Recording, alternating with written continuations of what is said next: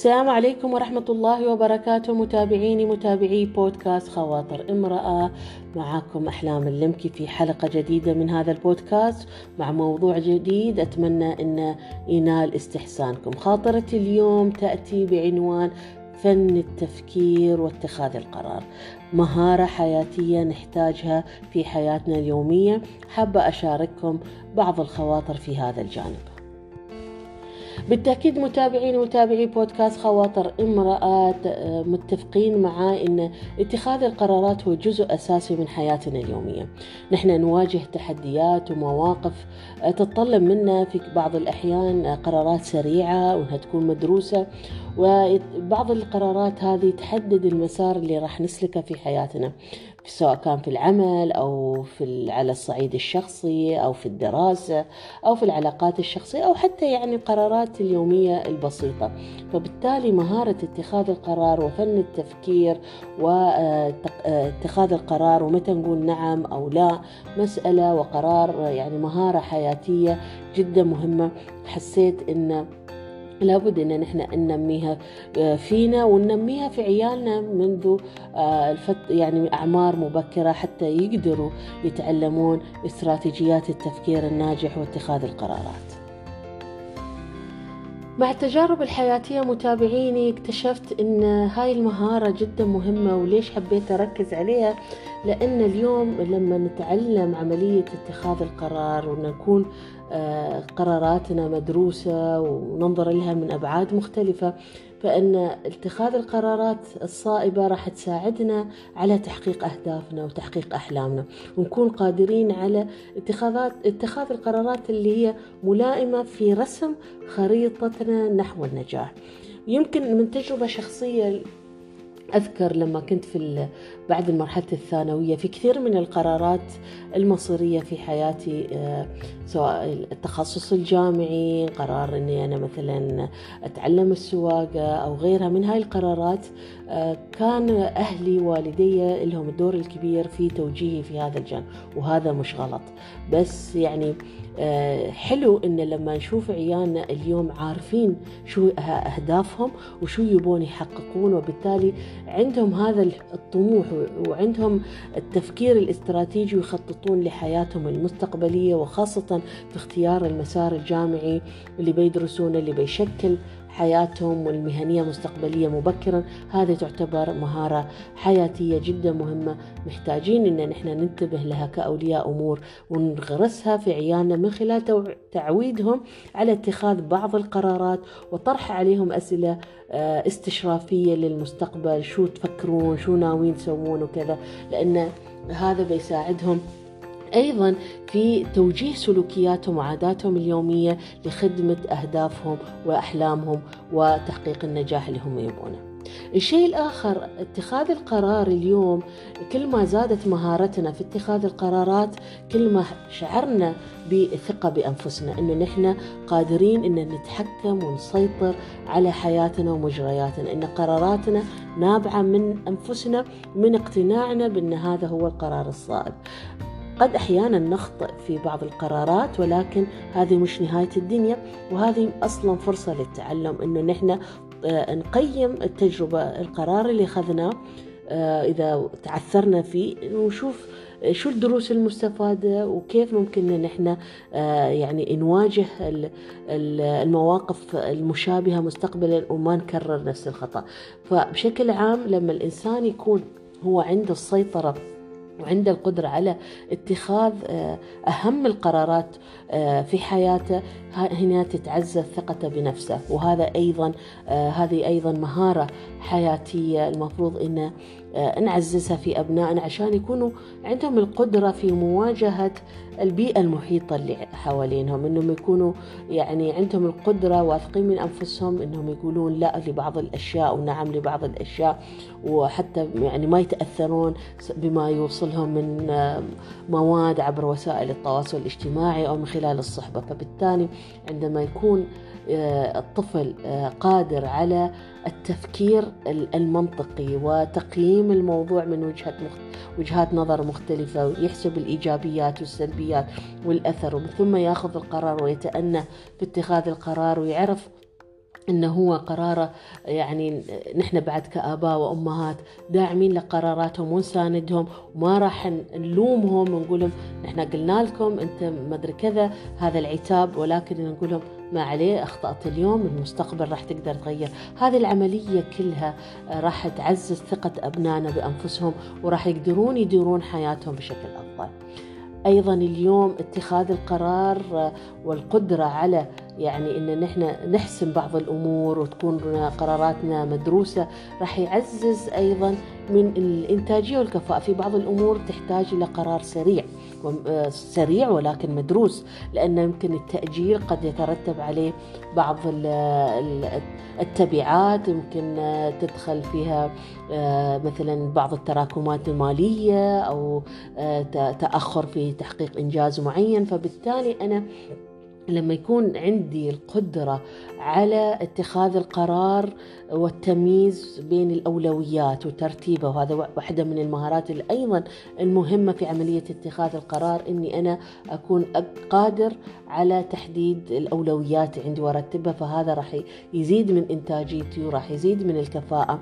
وفوق هذا أيضا هذه القرارات راح تقلل من الضغط النفسي والقلق عندي لأني أنا شليت هم موضوع معين كان موجود في بالي وحسمته وأخذت القرار فيه في الوقت المناسب بدال ما أنا أجل واجل وتتراكم علي بعض الأمور ويستوي عندي مسألة توتر إن كل الأمور تجمعت مرة واحدة. فإذا ترتيب الأولويات أيضا من المهارات المهمة اللي تربطنا بعملية اتخاذ القرار وإنها راح تساعدنا على تحسيس إنتاجية تحسين إنتاجيتنا والكفاءة وتقليل الضغط النفسي. ونقطة أخيرة باعتقادي أن اليوم لما تكون عندنا مهارة اتخاذ القرار وفن التفكير بطريقة آه، عقلانية وموضوعية في القضايا والأمور اللي تمر في حياتنا هذا أيضا راح يعزز في بناء علاقات ناجحة سواء كان على صعيد الأسرة أو صعيد الصداقات العلاقات الاجتماعية أو أيضا على الصعيد المهني مع زملاء وعلاقات العمل. فبالتالي لما أنا أكون شخص آه، عندي القدرة في اتخاذ القرارات الصائبة ممكن أكون أيضا مرجعية آه، لدعم الآخرين يطلبوني في كاستشارة وأهل ثقة لهم وفي نفس الوقت هذا راح يعزز من علاقاتي. متابعيني متابعي بودكاست خواطر امرأة. الرسالة اللي أنا أريد أقولها اليوم من خاطرة آه، هذا البودكاست إنه فن اتخاذ القرارات مهارة. يجب إن نحن نتقنها حتى نقدر نحقق النجاح والتوازن في حياتنا. من خلال إن نحن نتعلم كيف نفكر بحكمة.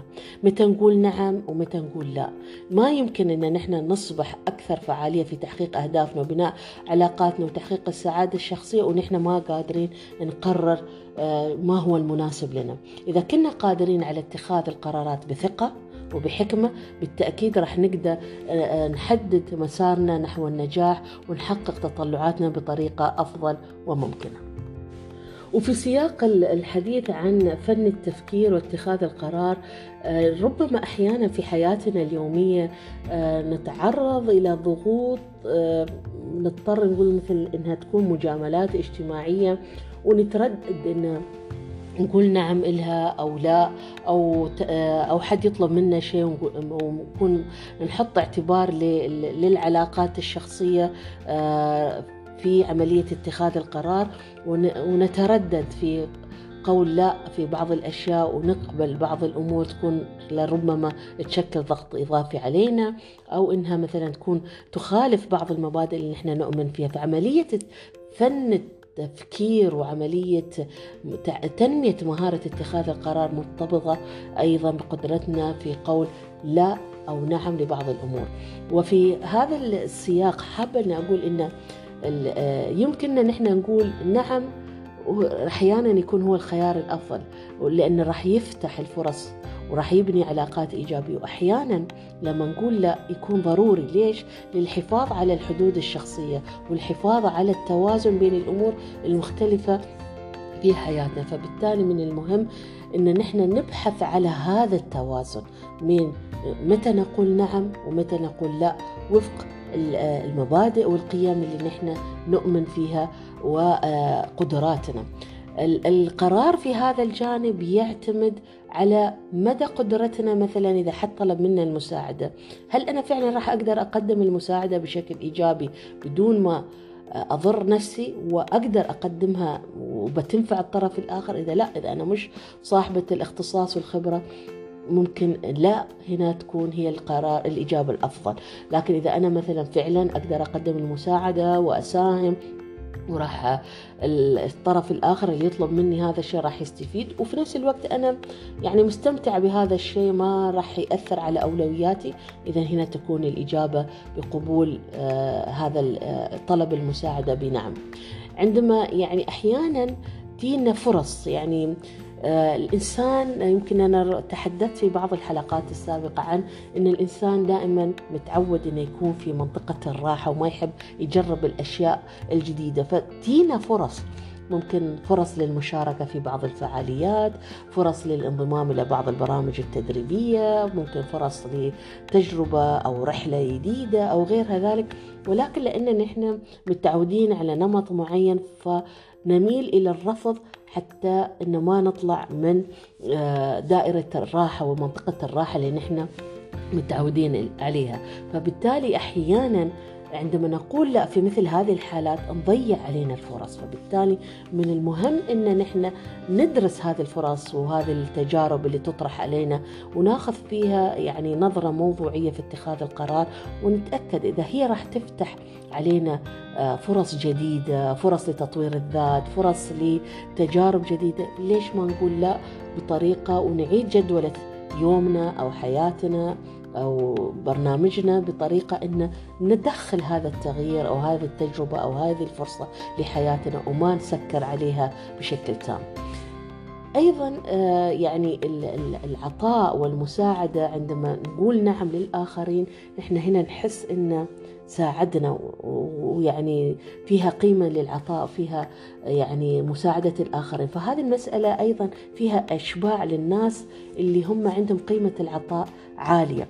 ولكن أيضا لابد إن ننتبه انه ما يكون هذا العطاء يعني دائم ويوصل إلى مرحلة إن الطرف الآخر يستغل يعني يستغلك انت كشخص انك انت شخص معطاء ويتم آه، يستغل هذه القيمة عندك ويطلب دائما أشياء فوق طاقتك وانت بعدين تدخل في حالة آه، من التوتر.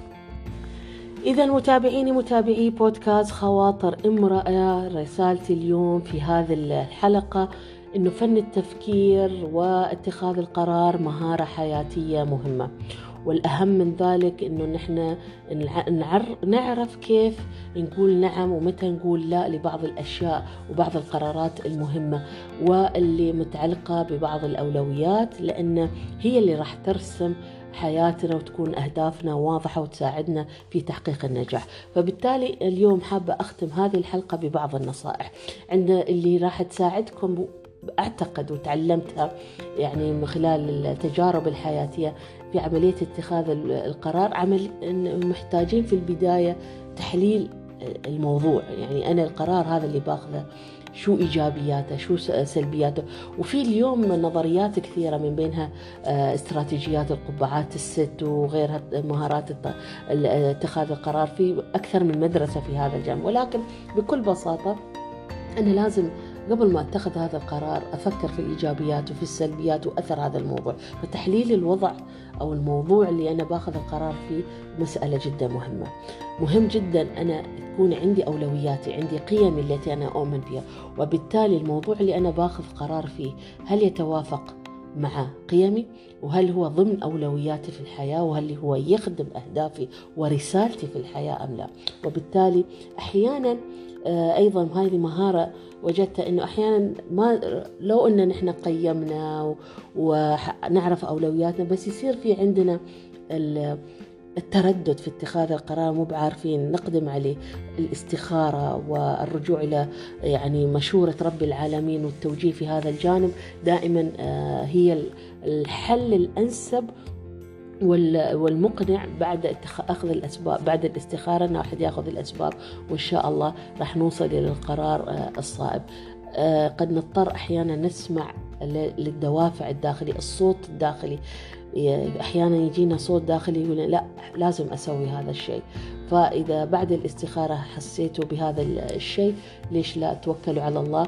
في النهاية أي قرار نحن ناخذه هي فرصة للتعلم. فرصة للتعلم نحو اتخاذ خطوات بسيطة لتحقيق هذا الهدف وفرصة للتعلم في حال التعثر التعلم من الأخطاء وتغيير حياتنا للأفضل والتعلم وأخذ دروس مستفادة بحيث أن ما نكررها في المرات القادمة. متابعيني متابعي بودكاست خواطر امرأة. اسمحوا لي اليوم يمكن الحلقة طالت ولكن حسيت إن الموضوع لامسني وكنت حابة إني أتحدث فيه. أتمنى إن حلقة اليوم نالت استحسانكم وأترككم بحفظ الله لأن التقيكم في حلقة جديدة قادمة من بودكاست خواطر امرأة.